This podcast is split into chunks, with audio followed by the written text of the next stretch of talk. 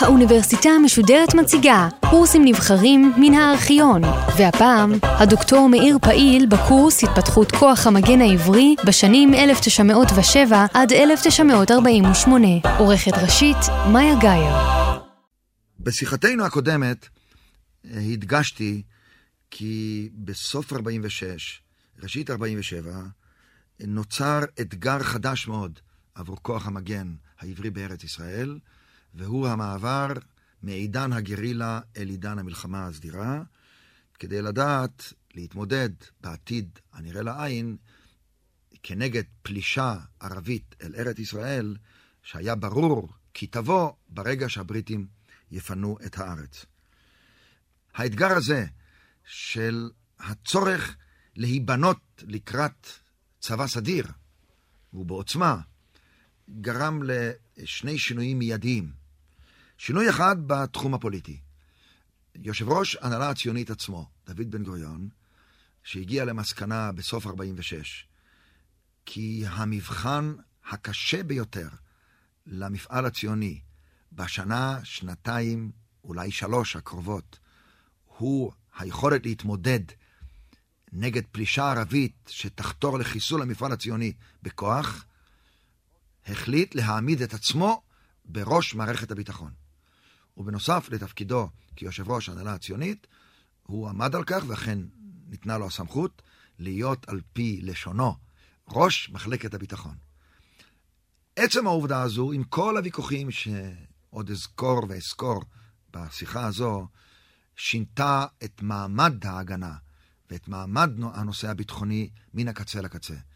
כי על ידי נוכחותו של בן גוריון, קיבלה ההגנה והצורך הביטחוני תימוכין, בקינג, מדיני מהרשות הגבוהה ביותר, ומה שהיה, לאחר, מה שצריך היה להילוות לכך עוד מעט, זה התמיכה הכלכלית והתמיכה, אה, נקרא לה, הפוליטית-ציבורית. זה שוני אחד. והשוני השני, נוסף עוד נימוק, מדוע מן הראוי למתן את המאבק העכשווי, היומיומי, כנגד הבריטים, ולהשקיע את עיקר תשומת הלב ואת עיקר המאמצים בנושא הביטחוני ובנושא הצבאי לבניין הכוח.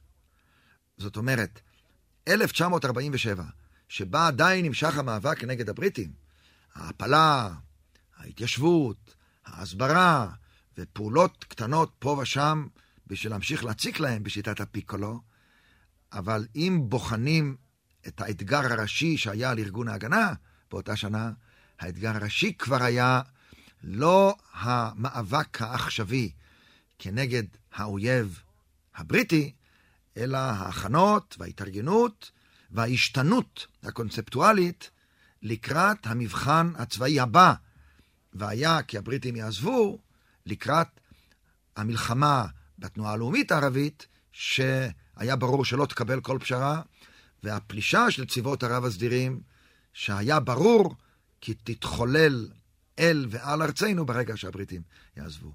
גם את זה צריך להוסיף אל, אל שרשרת הנימוקים מדוע החליטה ההנהגה המדינית למתן את המאבק הצבאי נגד הבריטים, מפני שהם ראו לנגד עיניהם כבר את המאבק הבא, שהיה מבחינה צבאית הרבה יותר אה, חריף והרבה יותר אכזרי והרבה יותר קיומי. בן גוריון חזר ארצה מהקונגרס הציוני ה-22 במרץ 1947, ובחודשים הבאים הוא סביבו התחולל או התנהל סמינר מעניין מאוד, שהוא בעצמו קרא לו הסמינר, הוא רצה ללמוד את מה שהתחולל. במהלך הסמינר הזה הוא החזיר בחזרה את הרמטכ"ל הקודם, יעקב דורי, במקום הרמטכ"ל בפועל, שהיה רמטכ"ל של ארגון ההגנה, יצחק שדה. במהלך הסמינר הזה הוא מינה ראש מפקדה ארצית חדש לארגון ההגנה, את ישראל גלילי. שני המינויים האלה התחוללו, התרחשו ביוני 1947. אבל הדבר המעניין ביותר בסמינר הזה היה, נקרא לזה, מלחמת התרבות של הקונספציות. למה אני קורא לזה מלחמת תרבות? כי הרי זו לא הייתה מלחמה בין אויבים, אלא מאבק בין שתי אסכולות. מחד גיסא, בן גוריון העריך מאוד, פחות את אנשי ההגנה, אלא יותר את היהודים הארץ ישראלים, וגם יהודים לא ארץ ישראלים, ואפילו לאו דווקא יהודים, שזכו לשרת בצבאות סדירים מחוץ לארץ ישראל, בין במלחמת העולם השנייה, כמובן יהודים לחמו רק נגד הנאצים, בין בצבא הבריטי, בין בצבא של ארה"ב, בין בצבא הסובייטי. והוא חשב שרק, או כמעט רק, מי שזכה לשרת באחד מן הצבאות הסדירים הללו, במלחמה של ממש או בצבא של ממש, אשר למד באופן מסודר בין באקדמיות ממושכות או בין בקורסי קצינים או מפקדים אחרים קצרים יותר, פלוס ניסיון במהלך המלחמה, שהאנשים הללו ראויים יותר ויש להם היכולת הרבה יותר לבנות את הכוח המגן העברי הסדיר לקראת האתגר של בלימת פלישת צבאות ערב והעדיפתם. זה נראה לכאורה ברור, כי מי יכול לבנות צבא סדיר עברי? אלה שהיה להם ניסיון בלשרת בצבא, אה, בצבאות סדירים, כהלכה.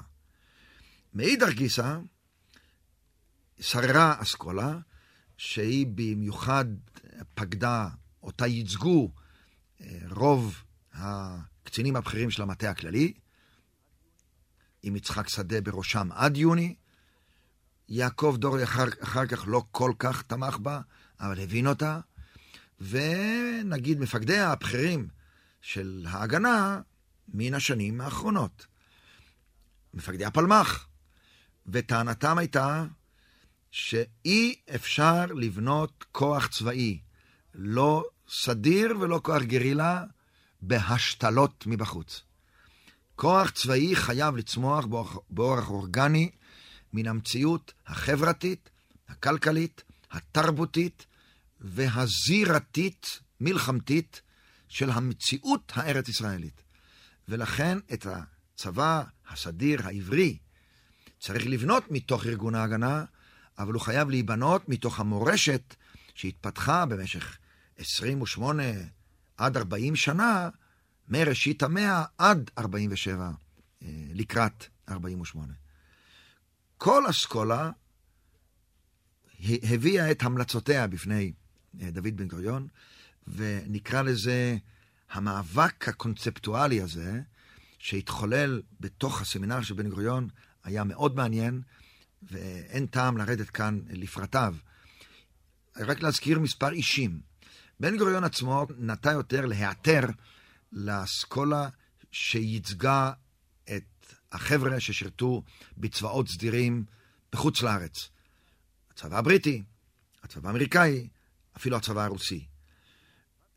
והאנשים, פרט לבן גוריון, שתמכו בגישה הזו, היו אה, חיים לסקוב, שלאחר מכן אפילו היה רמטכ"ל, או איש כמו בן ארצי, שהיה מג"ד בבריגדה, והיה אחר מכן ראש אג"א בצה"ל.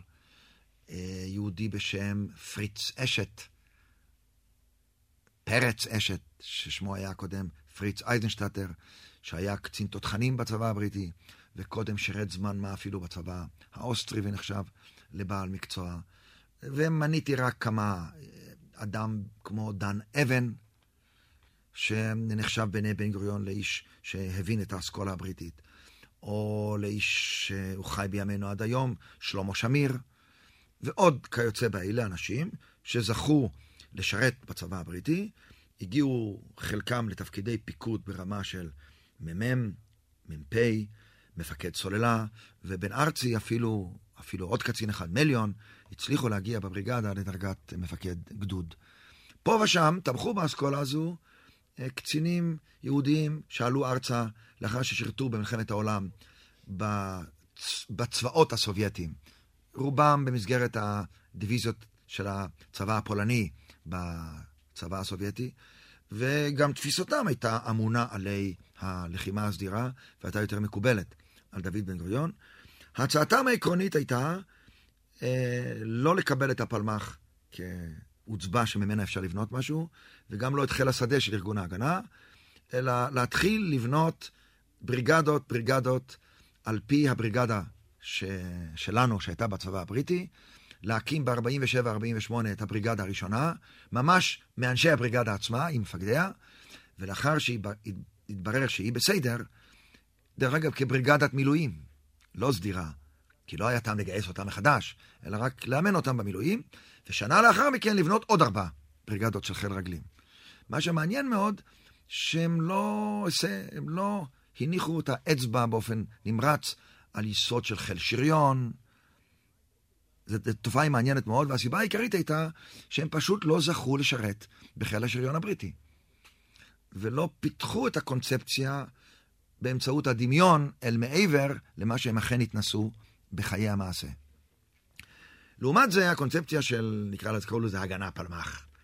ייצג אותם ישראל גלילי כראש המפקדה הארצית, ייצג אותם יצחק שדה, ייצגו אותם במידה רבה יגאל ידין, אה, יוסף אבידר, יוחנן רטנר, אה, מפקדי הפלמ"ח ובראשם יגאל אה, אלון, איש הצבא הבריטי, יהודי בשם אליהו בן חור, שהיה במטה הכללי ראש מחלקת ההדרכה, הוא שירת בצבא הבריטי. תפיסתם הייתה שעם כל החשיבות שהיה לשירות בצבא הבריטי, מהצבא הבריטי אפשר ללמוד באופן מלא דברים שאכן התנסינו בהם ואין לנו בארגון ההגנה. הווה אומר, את החילות המסייעים, כמו תותחנים, הנדסה, חיל קשר. שריון אי אפשר ללמוד מהם, אז נבנה בעצמנו. באמצעות קריאה וראייה. נקרא מה שכתבו הגויים, ונראה מה שיש לנו ביד, ונבנה חיל שריון, אני אומר את זה עכשיו בלשון יידישאית, שאפילו אם לא יהיו לו טנקים מספיק, הוא יפעל עם קקמייקס. זאת אומרת, עם מה שנצליח לבנות, ג'יפים קרביים, זחלמים שנקנה, אה, שריוניות שנסחוב מהליגיון הערבי או מהבריטים, או מה שנעשה על פני משאיות.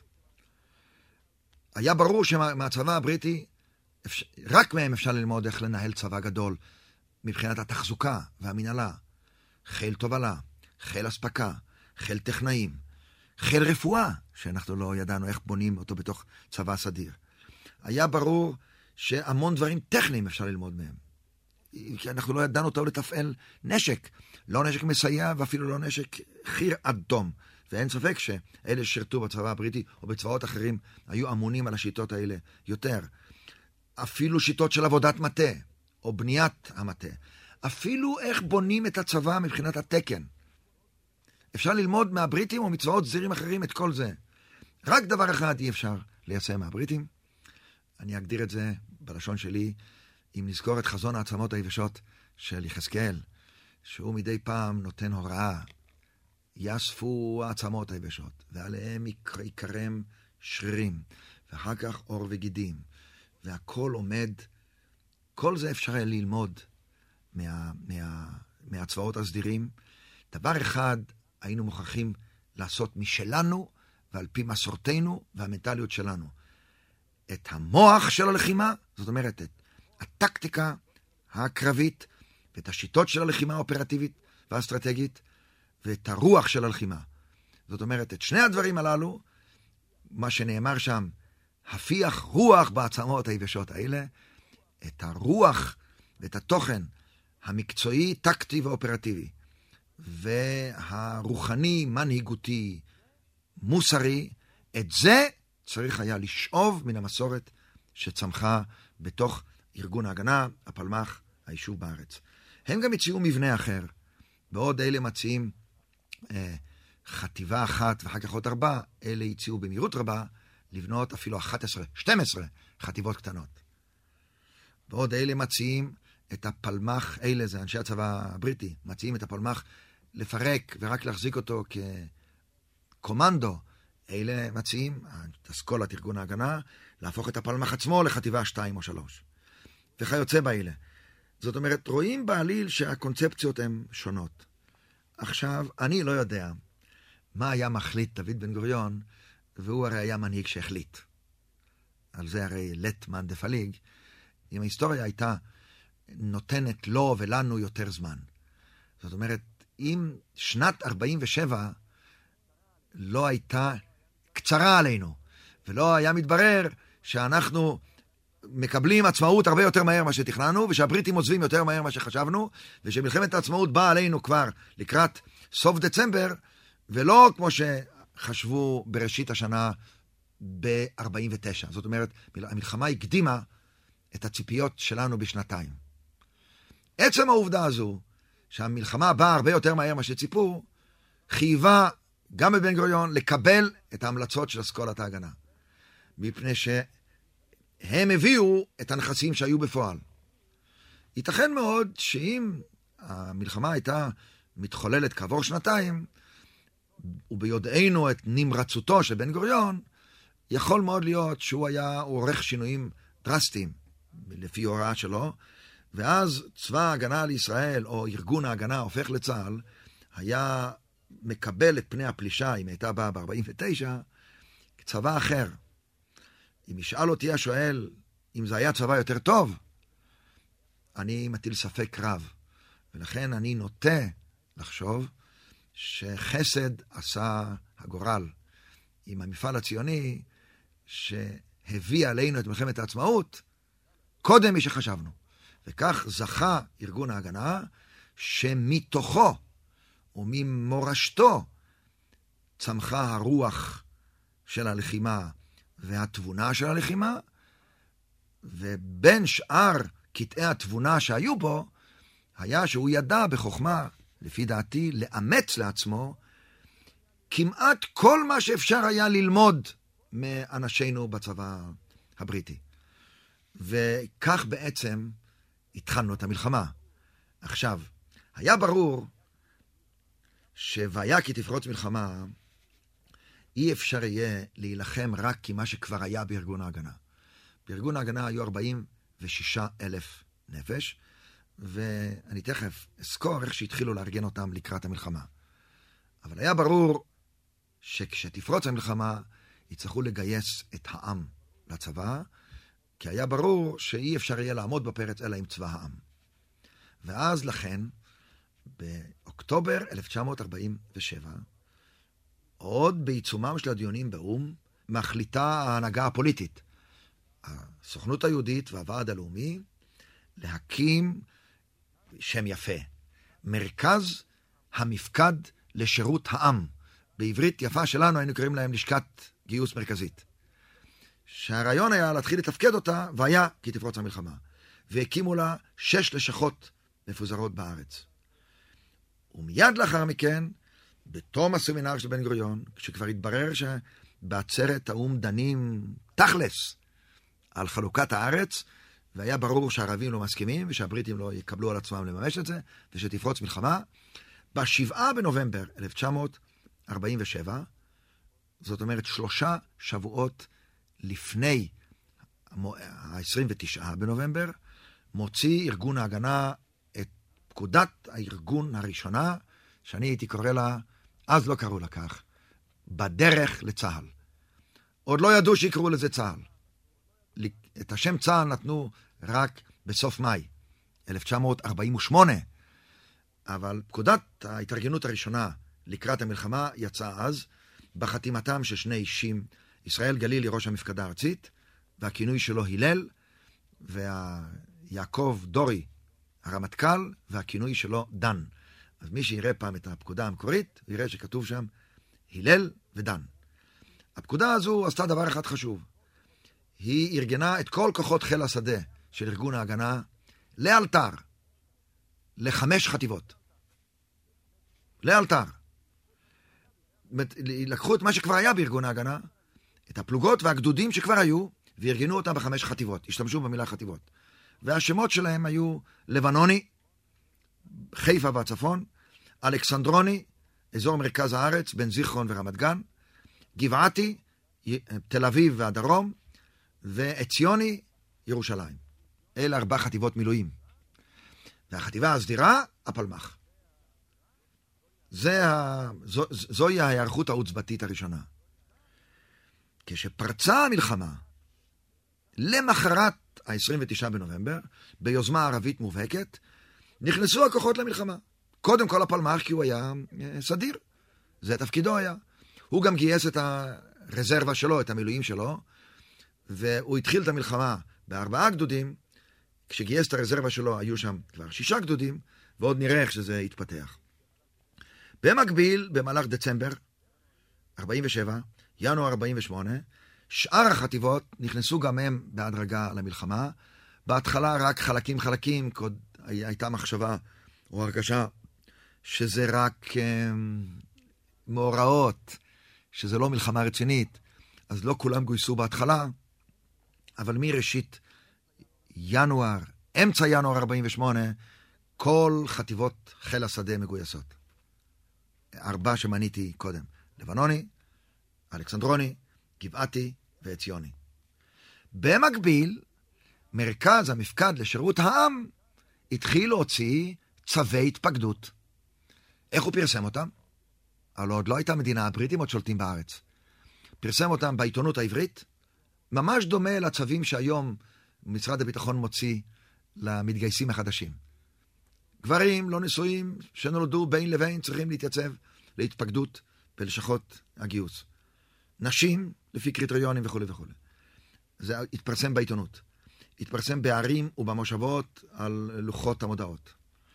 זה התפרסם בכל המגן העברי, קראו לו גם כל ישראל, כי אי אפשר היה לפרסם את זה בכל ירושלים, כי כל ירושלים היה בריטי. הם לא היו נותנים לפרסם דברים כאלה, אז זה פורסם בתחנת האלחוט של אה, אה, ארגון ההגנה. זאת אומרת, כל אדם בישראל, כל אדם עברי בישראל, קיבל את המסר. והתחיל תהליך של התייצבות. די טוב, כי צריך לזכור שבאותם ימים לא הייתה לנו משטרה, לא הייתה לנו משטרה צבאית, לא הרישום היכן גר כל אדם היה בידי הבריטים, כי תעודות הזיהוי נתנו הבריטים. אי אפשר היה להעמיד אדם לדין, גם אי אפשר היה להעניש אותו, בעצם. זאת אומרת, מימדי ההתייצבות היו פונקציה של המורל. והמורל נקבע על ידי אידיאולוגיה אישית של כל אחד, ועל ידי מה שקוראים לחץ ציבורי. של המשפחה, של הקיבוץ, של המושב, של הרחוב, של השכונה וכיוצא באלה. הייתה התייצבות די טובה, אבל לא של מאה אחוזים, זה הם חייבים uh, להודות. מסוף ינואר, אלה שנתפקדו נקראו להתייצב. והתחילו לבוא תגבורות די רציניות. עכשיו, התגבורות האלה, שהופנו ישר אל מחנות הקלט של החטיבות, גרמו לכך שבפברואר 1948, בעידנא דריתחא של המלחמה, כבר היו מספר יותר גדול של גדודים, והחליטו את מספר החטיבות שהיו עד כה רק חמש להגדיל. במקום חטיבת לבנוני, הקימו שתי חטיבות חדשות, שפוצלו מלבנוני. חטיבת גולני, נתנו לה שם חטיבה אחת, וחטיבת כרמלי, חטיבה שתיים. אלכסנדרוני לא פוצלה, נשארו בה ארבעה גדודים. היא כבר היה לה בה יותר גדוד ממה שהיה קודם, אבל לא פוצלה. חטיבת גבעתי, שהיא חטיבה תל אביבית, שבנויה על תל אביב והדרום, גם היא הגיעה לשמונה גדודים, וגם אותה פיצלו. לחטיבת קרייתי, שנותרה בתל אביב, חטיבה קטנה בת שלושה גדודים, והשם גבעתי נשאוהו אנשי החטיבה דרומה. חטיבת עציוני נשארה חטיבה בת שני גדודים, ואלה שש החטיבות הבסיסיות של ארגון ההגנה הופך לצה"ל, ומספריהם מגולני עד עציוני, אחת, שתיים, שלוש, ארבע, חמש, שש. גולני אחת, כרמלי שתיים, אלכסנדרוני שלוש, קרייתי ארבע, גבעתי חמש, עציוני שש.